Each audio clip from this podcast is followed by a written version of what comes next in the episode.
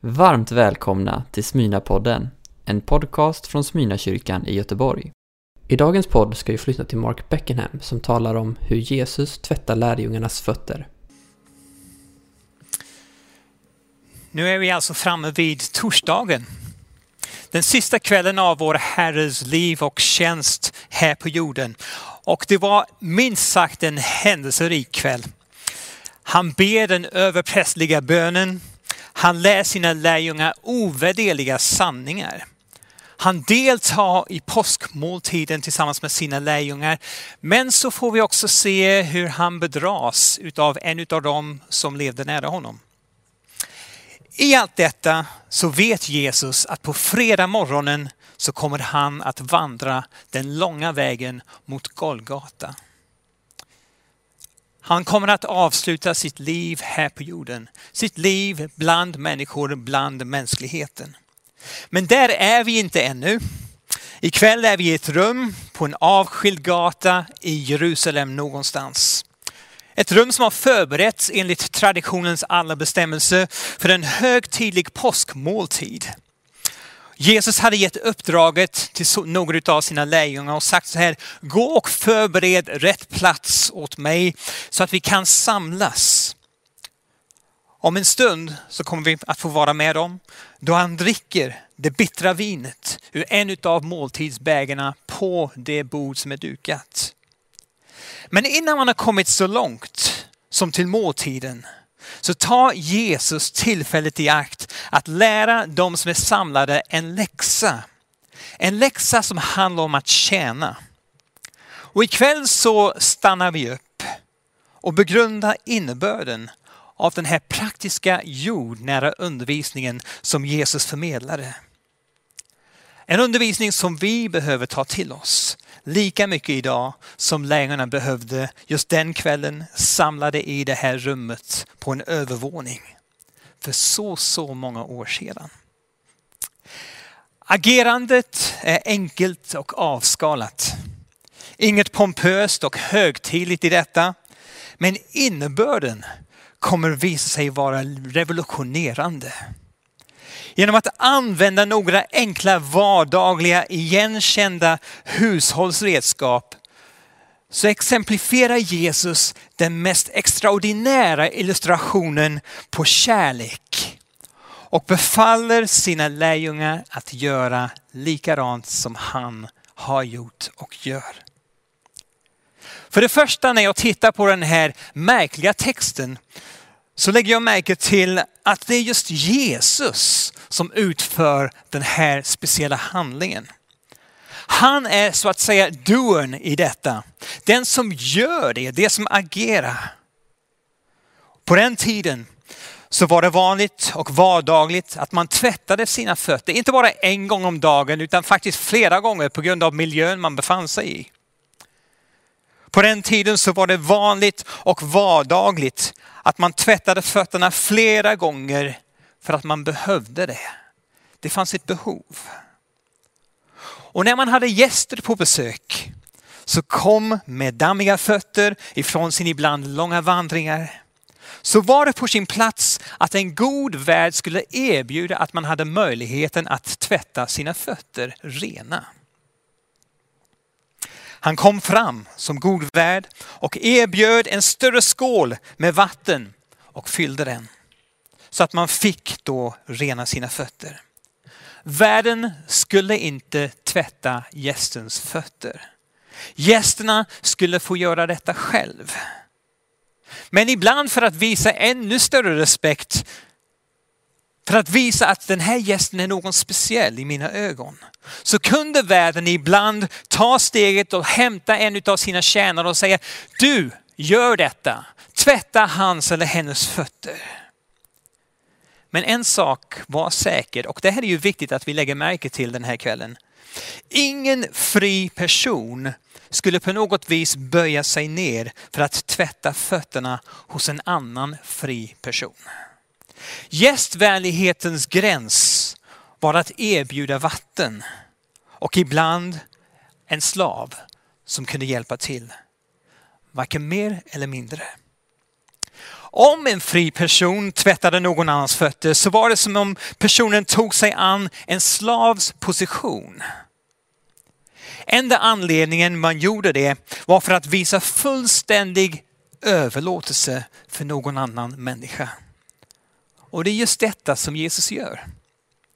Han tar på sig rollen som slav för att visa djupet av sin kärlek för de som är samlade, sina lärjungar. För att visa sin överlåtelse till dem i allt.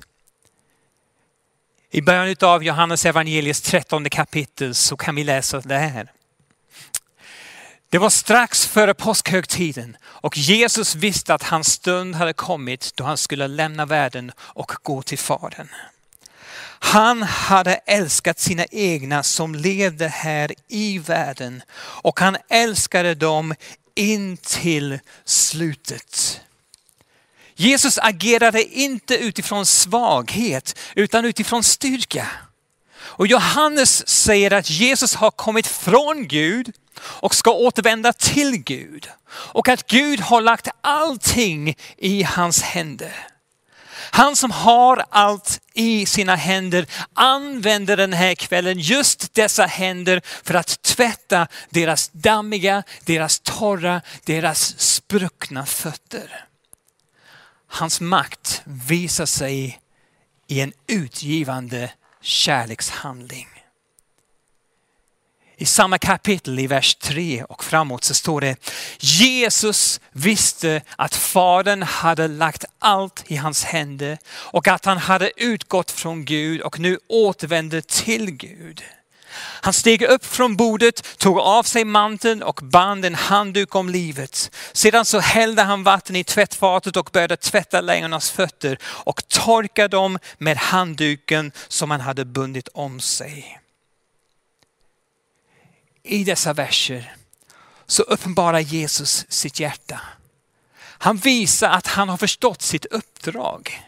Han bevisar en gång för alla, för sina närmsta vänner, det som han sagt och som vi kan läsa i Markus evangeliet. Att han inte kom för att bli betjänad utan för att tjäna. För att betjäna andra.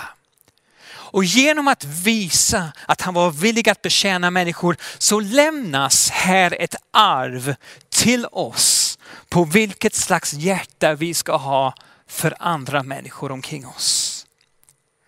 Bland annat så lär vi oss att Guds vilja för ditt, ditt, liv, för mitt liv, är att vi lär oss att ge oss själva i tjänst för andra. Och då vi fortsätter att titta närmare på den här texten ikväll så vill jag utmana dig att tillåta Herren att tala till just ditt hjärta. Där du finns. Och min bön i detta är att vår djupaste längtan är att vi ska vara som Jesus. Att vi ska vilja leva som Jesus. Att vi ska längta efter att göra som Jesus.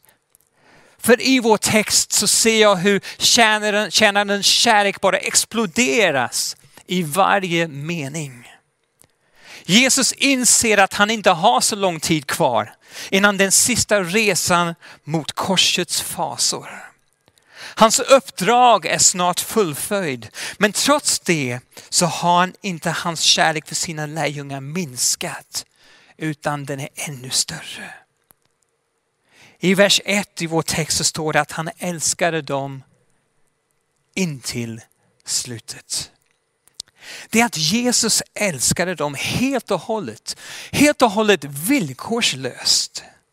Hans kärlek för sina lärjungar rubbades inte överhuvudtaget av omgivning och miljön, av att han insåg vart han var på väg. Inte ens den här mörka afton då Jesus ska få uppleva sina svåraste stunder i livet. Aposteln Paulus säger i Romarbrevet 8 att ingenting kan skilja oss från Guds kärlek genom Jesus. Och vår utgångspunkt i ett liv som speglar Jesus för vår omgivning och värld behöver vara att vi, du och jag, först och främst har fått smaka själva på hans oerhörda kärlek.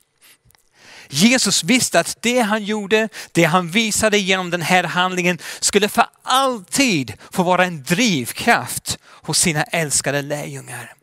I både medgång men också i motgång skulle det här finnas kvar. I Johannes evangeliet kapitel 13 och vers 3 så läser vi Jesus visste att Fadern hade lagt allt i hans händer och att han hade utgått från Gud och nu återvänder till Gud. Han kom sänd av Gud för ett mäktigt men också utmanande uppdrag. Han har fullföljt det mesta. Det är nästan bara korset som är kvar. Och han vet att efter korset kommer han att återvända till sin far i himlen. Återigen ifrån Romarbrevet kapitel 5 och vers 8. Men Gud bevisar sin kärlek till oss genom att Kristus dog, dog för oss medan vi ännu var syndare. Jesus hade ett syfte. Kärlekens syfte. Att visa kärlekens väg i alla situationer rakt igenom livet. Genom att se och lyssna. Genom att lära men också hela. Genom att tjäna men också snart dö.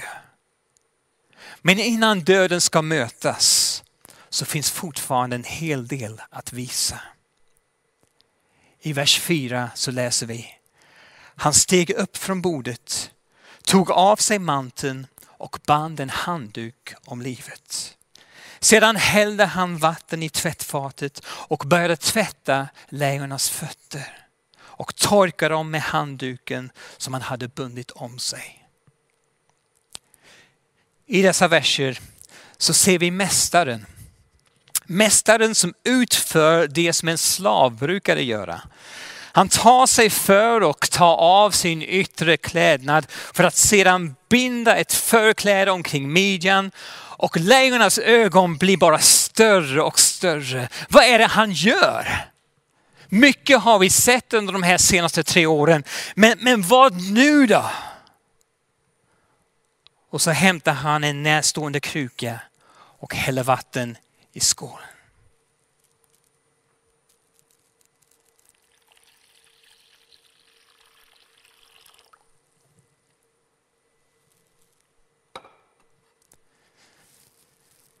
Så böjer han sig ner.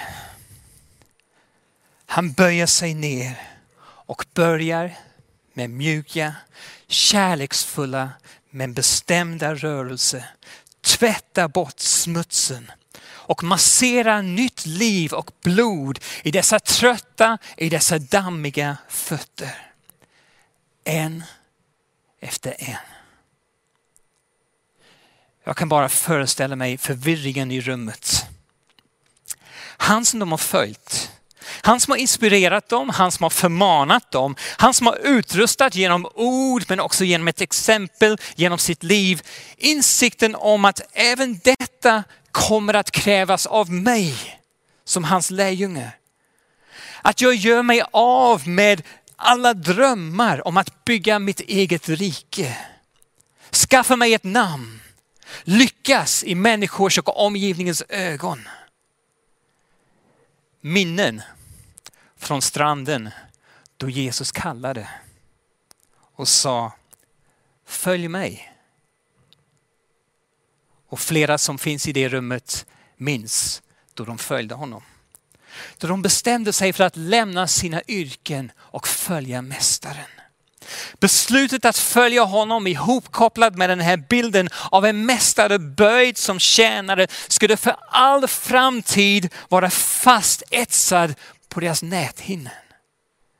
Varje morgon när de böjde sig ner och spände på sig sandalerna inför att gå ut med de budskap de anförtrotts så skulle de se sina fötter och minnas den här kvällen då mästaren varsamt rört vid deras fötter. Och flera av dem kanske kände igen ett budskap som de hade läst i skrifterna. Och psalmisten brister ut, ditt ord är en lykta för min fot, ett ljus på min stig. Eller Jesajas ord. Härligt är att höra budbärarens steg när han kommer över bergen. Han som bär bud om seger, som ropar ut goda nyheter, bär bud om räddning och säger till Sion, din Gud är konung. Men låt oss ett litet ögonblick fästa vår uppmärksamhet hos en utav dessa förbryllade, förvånade lärjungar. En efter en så tvättar Jesus, deras Herre, deras fötter. Ingen vågar riktigt röra på sig, även om många skruvar något obekvämt på sig. Svetten börjar pärla sig i pannan, inte av utmattning men i allra högsta grad en nervositet. Kanske till och med förvirring och besvär. Och nu är det Petrus tur. Jesus tittar på Petrus fötter och Petrus utbrister, Herre, ska du tvätta mina fötter? Och Jesus tittar upp mot honom. Rakt in i hans ögon som han gjort så, så många gånger tidigare. Och säger med den här mjuka, självklara rösten. Vad jag gör förstår du inte nu. Men senare så kommer du att fatta det. Innan han tänker efter så utbrister Petrus, den här, den här impulsiva personen och säger aldrig någonsin får du tvätta mina fötter.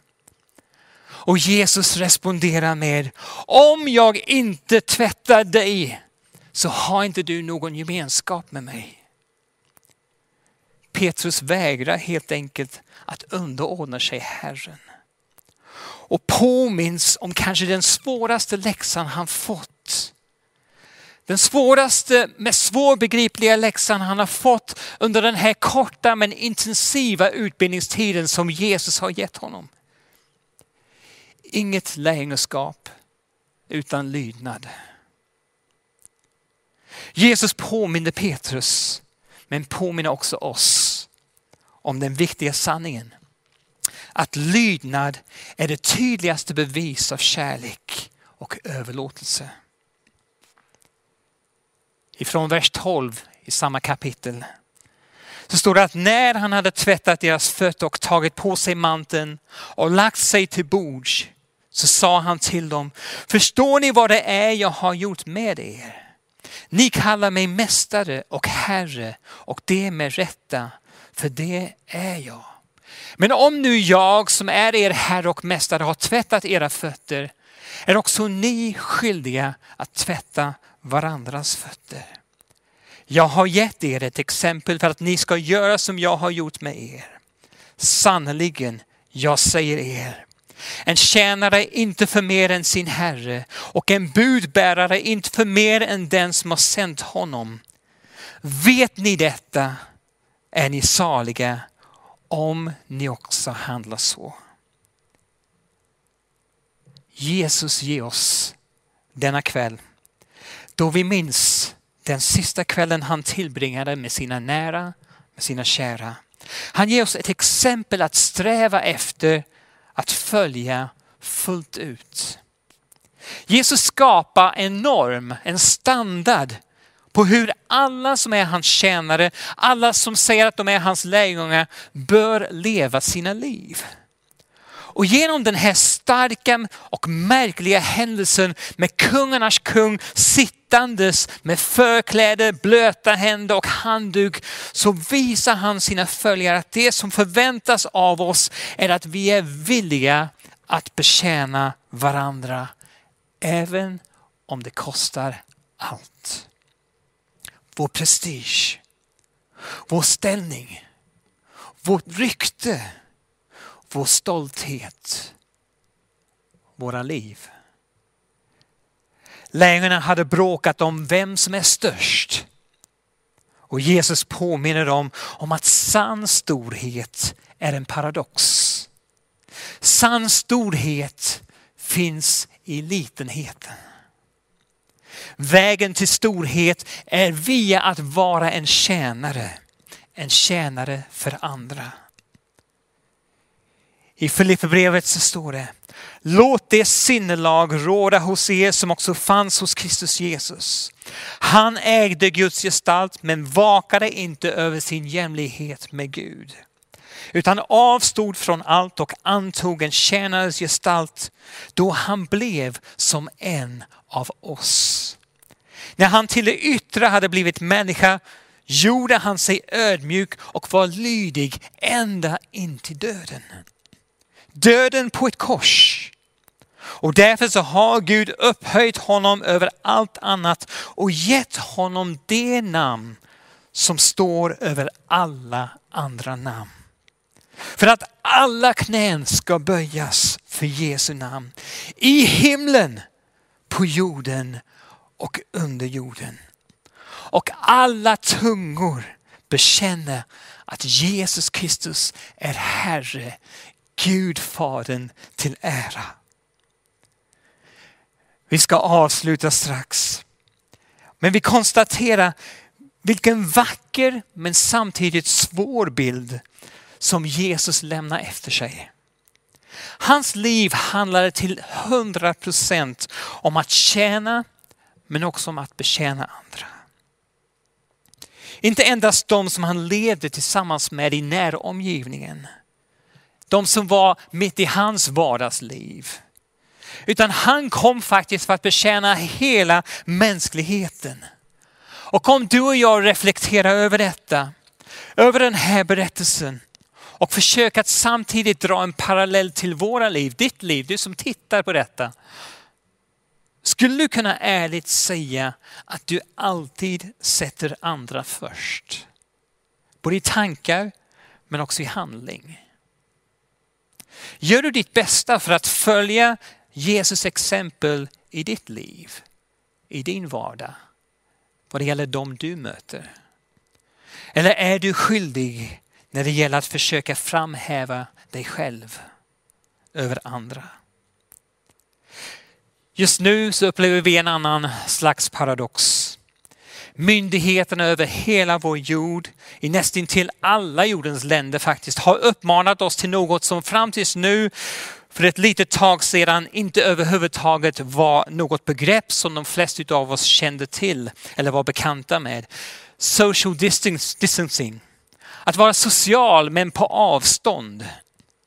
Detta för att inte smitta dina medmänniskor och tillåta att det här viruset ska få hålla samhället i sitt grepp.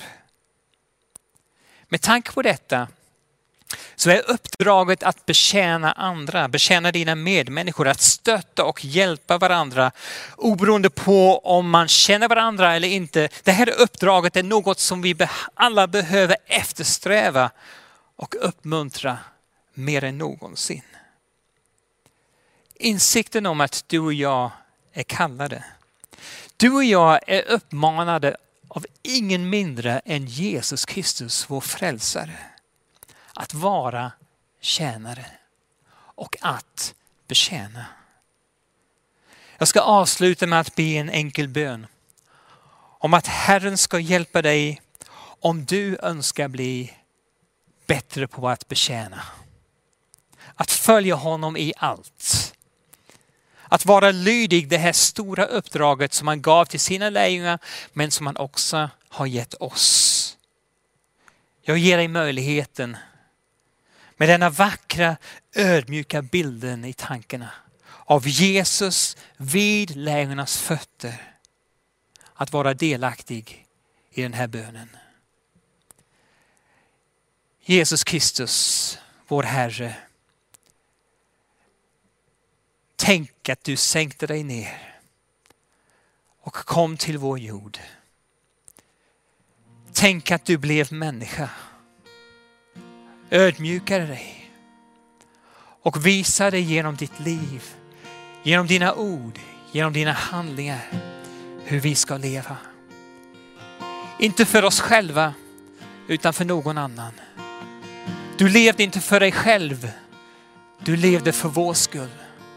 Du, dö, du dog för vår skull. Du uppstod för vår skull. Och Herre, jag ber att vi den här kvällen ska komma till dig med våra liv, med våra brister. Och än en gång, eller kanske för första gången i våra liv, bli fyllda med en längtan efter att betjäna vår omgivning. Betjäna vårt samhälle med ditt hjärta. Tack för det du visade. Tack att vi får vara en del av detta.